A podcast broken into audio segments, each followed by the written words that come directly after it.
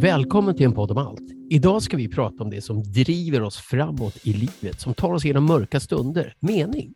Och vi som pratar, vi är mentala tränare som arbetar med hypnos och NLP som ger omedelbara resultat genom att involvera ditt undermedvetna i din utveckling. Och jag som pratar med ditt undermedvetna idag heter Ulf Sandström. Och då pratar väl jag med ditt medvetna då och heter Fredrik Presto. Ja, just det. Vi kommer att prata om mening. Vi vill naturligtvis gärna höra dina tips, men här kommer lite grann av våra. Och det som får dig att gå upp på morgonen, att studsa tillbaka från motgångar och flytta berg. Mening. Viktor Frankl sa ju att människan måste ha mening. Och vad som är meningsfullt är ett perspektiv, en tanke. Och tankar går att träna, för det är det vi jobbar med. Och det här kan hänga ihop med att hantera en utmanande period i livet, bearbeta sorg, leva fullt ut oavsett om man har fått en diagnos eller helt enkelt bara utforska livets mening. Den som forskar i meningen med livet stöter förr eller senare på just eh, Viktor Frankl som är författare till boken Livet måste ha mening och grundare av det som kallas för logoterapi. En terapi som fokuserar på just att hitta mening. Hans bok beskriver hans erfarenheter som fånge i nazisternas koncentrationsläger under andra världskriget och hur han hittade och hämtade mening även under dessa desperata tider. Han kunde till exempel lägga märke till en tanig blomma och hämta kraft ur blommans förmåga att överleva.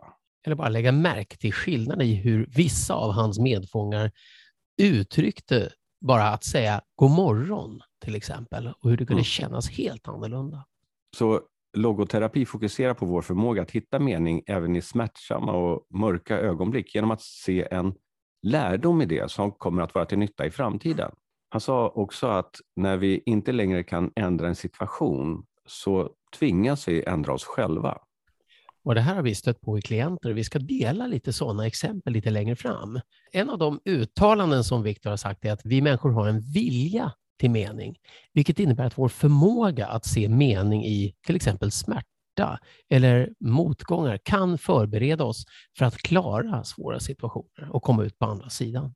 Och forskning vid Roehampton University har visat att samtalsmetoder som innehåller frågan om livets mening är betydligt mer framgångsrika än andra. Ja, svensk forskning av bland annat Cecilia Meldner visar att mening även är starkt kopplat till vår hälsa. Och där har vi ju nämnt i ett annat avsnitt av eh, den här podden, alla avsnitt som du kan lyssna på i vilken ordning du vill, för de är ju fristående, men där nämnde vi att det fanns en undersökning där de testade personal på ett hotell och eh, hälften fick veta att de borde motionera mera utöver det de gjorde på sitt jobb och andra hälften fick veta att just de eh, handlingar de utförde i sitt jobb motsvarade i princip workout på ett gym och att de inte behövde träna någonting utöver det de gjorde på arbetet. Och trots att de inte ändrar någonting annat med den här gruppen så visade det sig efter en månad att de som hade fått höra att det var meningsfullt med arbetsuppgifterna även ur ett hälsoperspektiv hade bättre hälsovärden. Mm. Då kan man ju tolka det på olika sätt, men en tolkning är ju att omedvetet så kanske de liksom fokuserar på det de gör och den nytta det har för hälsan. Ja, man kan säga att mening skapar harmoni mellan din inre erfarenhet och din handling. Men Fredrik, hur tar vi reda på vad som, vad som ger oss mening? Det är inte, man kan ju känna att det här är meningsfullt när man gör någonting, men om man vill utforska det, vad kan man göra då? Man kan ju ställa lite olika frågor till sig själv. En fråga är till exempel, för att hitta vad som är meningsfullt för dig, så skulle du kunna fråga dig själv, vilket jobb eller vilken handling skulle du inte tröttna på att utföra, även om du inte fick betalt? Ja, det är en bra fråga. Ja, Nej, men det, det, så här, ja, men det här skulle jag kunna bara göra hur mycket som helst. Då kan ju det vara något som är meningsfullt. Ja, om du gör det trots att du inte får betalt så är det ju meningsfullt på något sätt genom att det är roligt eller tillfredsställande eller just bara meningsfullt ja. i ett högre perspektiv. En annan fråga för att ta reda på vad som kan vara meningsfullt är, och, och den är lite klurig, vad skulle du göra om du var säker på att inte kunna misslyckas? Ja, just det. Då, då, då skulle man ju kunna tänka sig sånt som att ja, men då skulle jag rädda jordens biologiska mångfald eller någonting sånt jättestort. Och då är poängen inte med det att göra det för att man är säker på att inte kunna misslyckas, utan det är just att ta reda på vad som är meningsfullt. Så om det är meningsfullt för mig, ja, men då börjar jag göra det jag kan. Sen kan jag inte vara säker på att jag inte misslyckas i alla fall. Nej, just det. Det skulle kännas meningsfullt att rädda jordens mångfald. Men jag kommer aldrig lyckas så det finns ingen mening med det. Där, där finns ett annat ordspråk då som man kan ta till och det är ibland är det viktigare att påbörja något än att göra klart det. Så om, om du kan rädda en bananfluga och skona den, och, så, så kanske det kan kännas bra. Åh nej, jag vill inte rädda bananflugorna. jo, men herregud, vi har jättemånga likheter i vårt DNA med dem. ja, det har vi.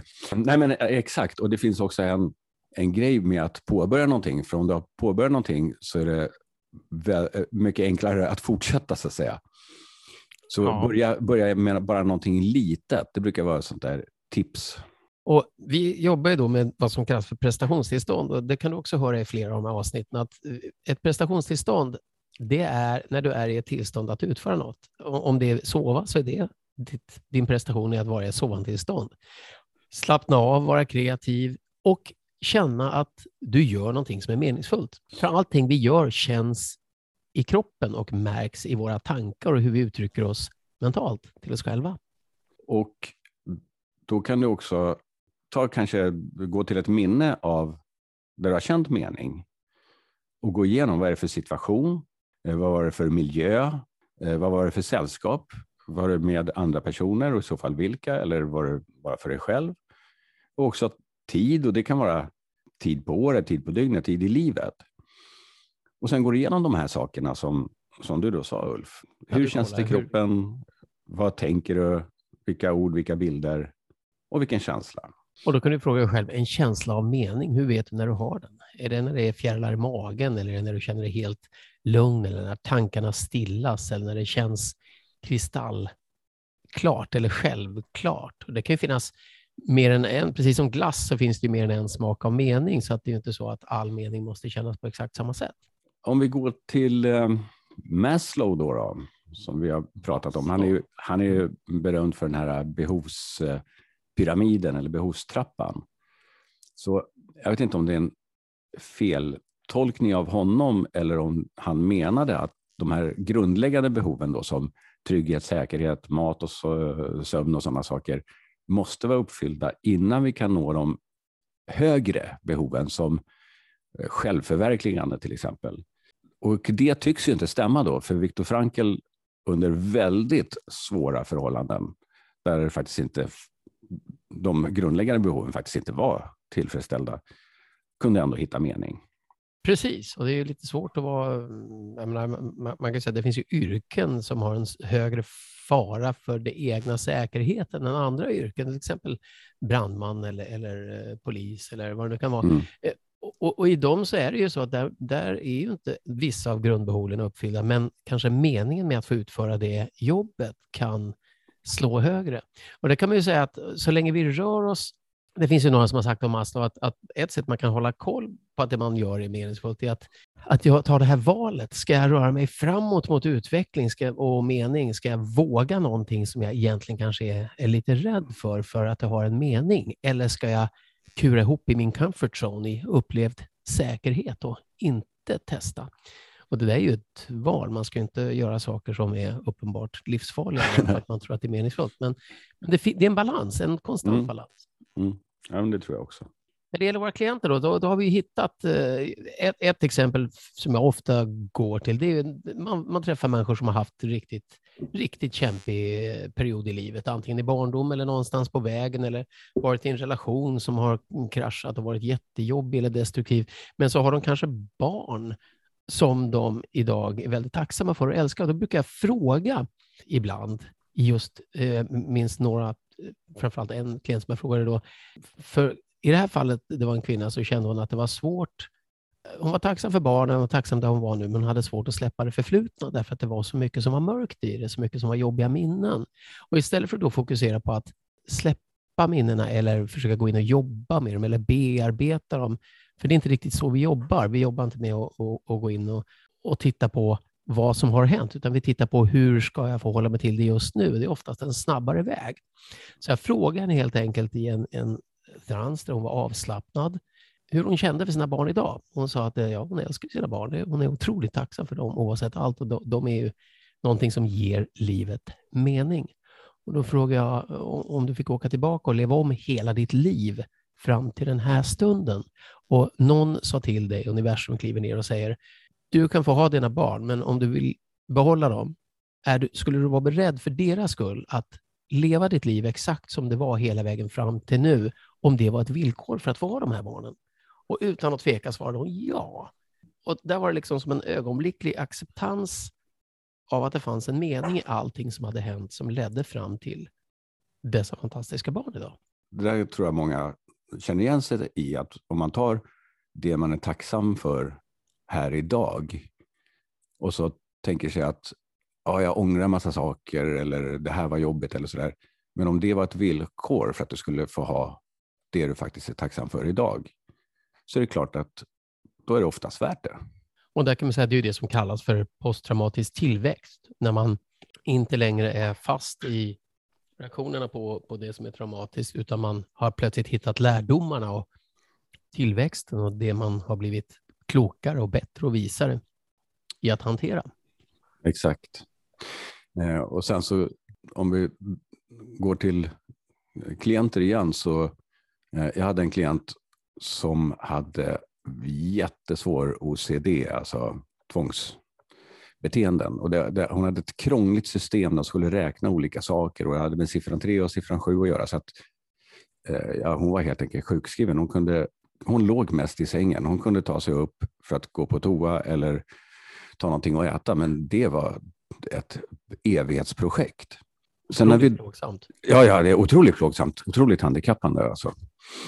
Och det löste vi, men jag hade lite sådär, jag la lite krut på också att, att hon inte skulle känna sig sådär snopen, för att lösningen på en sån här kan ofta vara ganska enkel, själva lösningen. Och då är det lite jobbigt om det löser sig på en halvtimme om man har varit sjukskriven i fem år.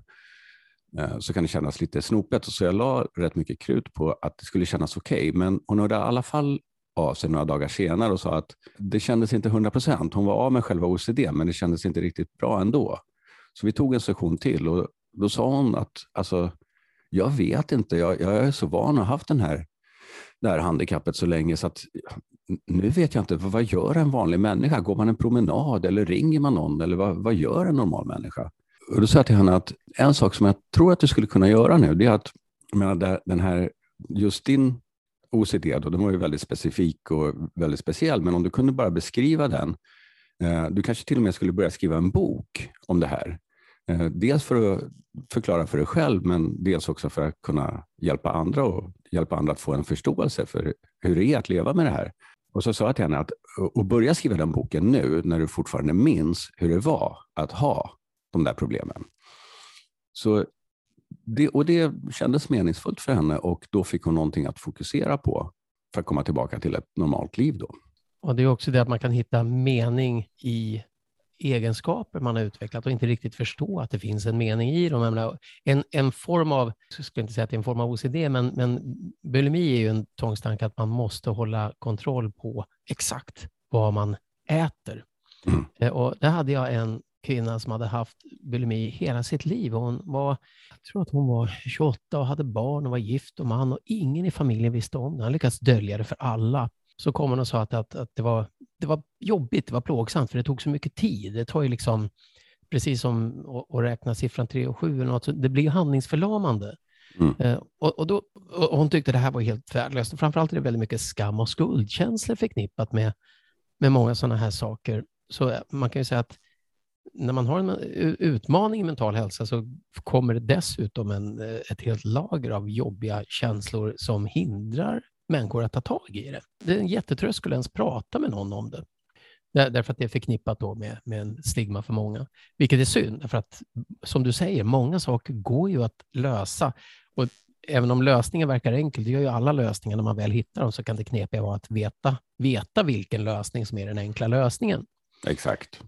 Men i det här fallet då, så, så jag frågar henne så här, men du, om jag skulle, alltså jag är lite fascinerad av bulimi för att, för att det verkar vara så otroligt många saker man, man måste kunna. Ja, vad menar du? så? Nej, men om, jag skulle liksom, om jag skulle utöva bulimi på din nivå imorgon, om du ger mig en snabb instruktion vad jag skulle behöva göra, och då händer hon kroppshållning direkt. Så här. Ja, ja, du.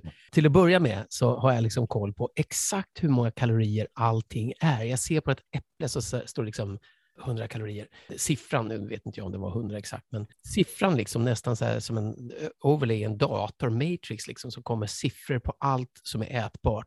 Och sen så varje gång jag tar en tugga av något, säger hon, så börjar jag räkna, en klocka som räknar ner hur länge det här får vara i min kropp innan det måste upp.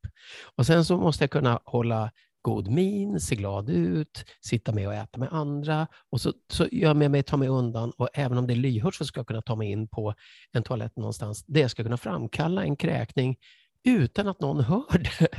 Och det här går ju rakt emot kroppens reflexer och liksom det är en otrolig eh, vad ska man säga, impulskontroll faktiskt, att, att göra detta och att sen, eh, sen gå med, den, med de känslor av kanske att inte känna sig fullständigt mätt och hunger som finns efteråt och, och hitta en mening i det här systemet. Så att när hon var klar så tittade jag på den här listan och så sa jag till henne impulskontroll, databas över olika egenskaper, hålla tidräkning samtidigt som man håller god min och ska liksom kunna skådespela det här gentemot andra på ett naturligt sätt. Vad jag ser här är eh, egenskaperna hos en, en chef i ett eh, företag som har väldigt utmanande situation, som ändrar sig väldigt fort och som måste hålla koll på allting. Jag skulle, skulle kunna vända på det här, så vänder jag på det till en chefsegenskaper så att säga istället eh, om man nu vänder och ser impulskontrollen eller databasen eller möjligheten att räkna, hålla räkning på saker och ting. Och det blev en, en vändning därför att helt plötsligt så kom den här möjligheten till det man då kallar för post-traumatic growth, även om det inte var. Men möjligheten att se kunskapen, lärdomen i varje liten del av allting hon så, under så många år hade haft koll på och ändå hållit sig utan att någon hade märkt det. Ja, men det är ju klockrent. Då är det bara liksom mappa över det hon redan kan till ett sammanhang där det är bara till fördel. Ja, vad skulle hända om hon tog den där databasen och började använda till ett affärssystem? Vad skulle hända om hon tog impulskontrollen och började använda till positiv träning som var hälsosam? Mm. Man kan ju öva sin förmåga att hitta mening genom att ställa frågor. Och hittar man mening i allt man gör så kan det förbättra både hälsa och livskvalitet. Och ett av de sätt som då en del undrar över är hur hur kan jag ta reda på vad jag värderar? Hur ska jag veta vad som är meningsfullt för mig? Och det finns ju så mycket olika saker och det är olika för olika människor, men för en del är det liksom att bidra, att göra någon nytta och då är det nytta för andra. Man brukar säga bidra till flocken. Och sen hälsa naturligtvis, mental hälsa, fysisk hälsa. Och relationer, det, det behöver vi. Och att eh, ja, vårda våra relationer. Socialt stöd och sociala relationer är ju återigen en viktig grundläggande faktor i mental hälsa, i att må bra, i att vara mm. stabil och klara utmaningar. Och sen så har vi det vi kallar för personlig utveckling och det är lite mera luddigt, men, men eh, luddigt kanske inte är rätt ord, men lite mer diffust. Men att utvecklas som människa. Ja, alltifrån att lära sig att, att uh, odla potatis till att uh, bra på bågskytte eller vad som helst. Ja, Spela en gitarr. Det, vet ju du att jag precis har odlat potatis. Det, det var helt fantastiskt, alltså, för jag har aldrig gjort det förut. Och det kändes verkligen meningsfullt när man ser de där blasten växa upp och man vet inte, liksom, eh, växer potatisarna där under? Och sen så på midsommar då dra upp dem och så är det massor av finfina potatisar. Det, det, det kändes meningsfullt. Det är väl livet egentligen, för det är en form av liv också. Ja, ett kretslopp. Spiritualitet, en del kan ju hitta spiritualitet i att faktiskt odla potatis, lite som det lät, lite religiöst på dig där. Ja, eh, ja det blev religiöst. ja. Och sen naturligtvis karriär och materiellt, alltihopa. Men vad, vad, du gör är att du sätter dig ner, och det här är en övning i, i att hitta mening som är relaterad till logoterapi lite grann, men även i största allmänhet. Det, du, du, skriver upp de här olika sakerna och olika områden i livet. Det finns många. Och så skriver du de som ger dig mest mening genom att säga min hälsa är superviktig för mig för att. jag mm. värderar och har, det gör att det är grunden till alla mina relationer och vad jag kan göra och inte göra i livet och att jag kan resa eller hålla mig frisk länge eller finnas för min partner. Men om du då skriver så att du får en slags prioritering. Min spiritualitet är viktig för mig för att det grunden till existentialismen och hur jag förhåller mig till världsalltet. Eller jag vill kunna bidra till flocken och det är viktigt för mig därför att. Och när du skriver det, då får du syn på vad som är det, det som är mest värdefullt för dig med en anledning till det. Och då kan du bara kolla att det är de områdena som du faktiskt ägnar dig åt i livet. Ett sånt enkelt facit. Om, mm om din hälsa är det viktigaste för dig därför att du vill leva länge och finnas för andra och kunna bidra till flocken och så upptäcker du att du, det är den första grejen du har dragit ner på av någon annan anledning och tappat perspektivet på, då kan du plötsligt öka din mening genom att fokusera på det som du faktiskt värderar. Mm. Jättebra övning. Där finns det faktiskt en liten fälla också, eller fälla, en, en tankelåsning kan man säga, kommer jag på nu med många klienter. Det finns någon som säger, hela mitt liv har jag funnits för andra, men nu är jag trött på det, jag måste säga nej och nu ska jag faktiskt finnas för mig själv. Som att det var ett val mellan att antingen finnas för andra eller finnas för sig själv.